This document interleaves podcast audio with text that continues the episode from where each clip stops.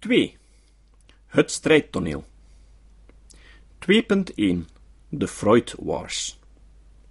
Een van de kritieke hoogtepunten in de academische disputen rond Freud en zijn geesteskind, die omwille van hun aanhoudende hevigheid bekend staat als de Freud Wars, was de publicatie op 18 november 1993 in de New York Review of Books van The Unknown Freud. Een artikel van de literaire criticus en voormalige Freudiaan Frederick Cruz. In de gepubliceerde briefwisseling, die op het controversiële essay van Cruz volgde, vloeide meer inkt dan de New York Reviews of Books ooit aan de nasleep van een artikel had besteed.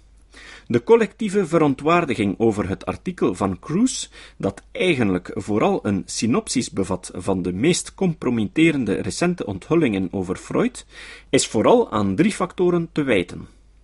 Dat Cruz uitgerekend op deze plaats en in deze kolommen zijn vernietigende aanval op Freud mocht lanceren, was voor vele psychoanalytici bijzonder aanstootgevend.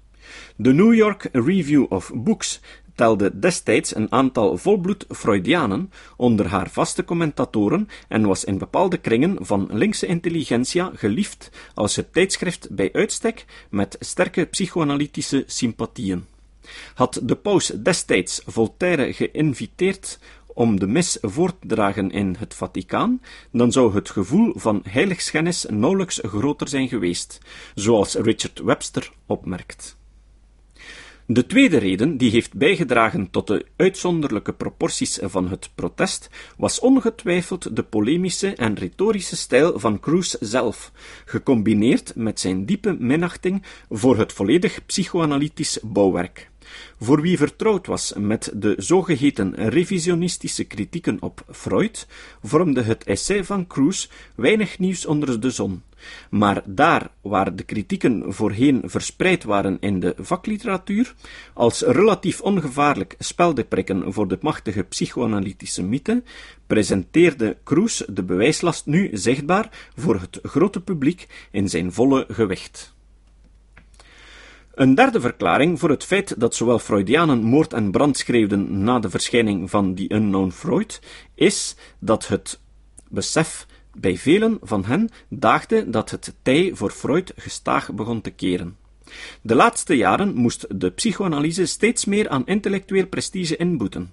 De invloed van de Amerikaanse universiteiten was tanend. Interne theoretische disputen verhinderden werkelijke progressie, en de psychoanalytische theorieën en concepten werden door de wetenschappelijke gemeenschap, de DSM in het bijzonder, steeds meer genegeerd of vervangen door rivaliserende theorieën. In de woorden van Frederick Cruz zelf. The fear and rage that one analyst, David S. Olds, noted among his colleagues when my essay appeared would not have spread so rapidly without a pre-existing sense that Freudianism could ill withstand another setback. En Cruz had nog pijlen op zijn boog. In november en december 1949 verscheen eveneens in de New York Review of Books een tweedelig essay over de beruchte Recovered Memory Therapy, RMT, met de titel The Revenge of the Repressed. De kritiek van Cruz op de suggestieve en dwangmatige methodes waarmee Amerikaanse therapeuten bij hun patiënten massaal verdrongen herinneringen van seksueel misbruik opgroeven, is in het bestek van deze tekst minder essentieel, maar een van Cruz' stellingen moet ons wel aanbelangen. Dat de psychoanalyse een enorme verantwoordelijkheid draagt in de opkomst en snelle verspreiding van deze bijzonder schadelijke therapeutische praktijk, die talloze Amerikaanse gezinnen heeft gebroken en onschuldige ouders aan de schandpaal heeft genageld.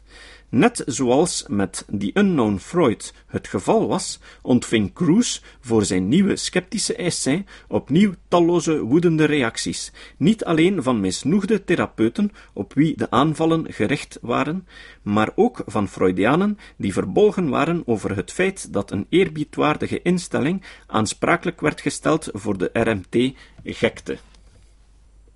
Opmerking van de voorlezer. Voor meer details over verdringing verwijs ik graag naar de afleveringen 27 tot 30 van mijn podcast Kritisch Denken, die je kan vinden op kritischdenken.info. Daarin hoort u een dissertatie van Jan de Lender over waarom verdringing een mythe is.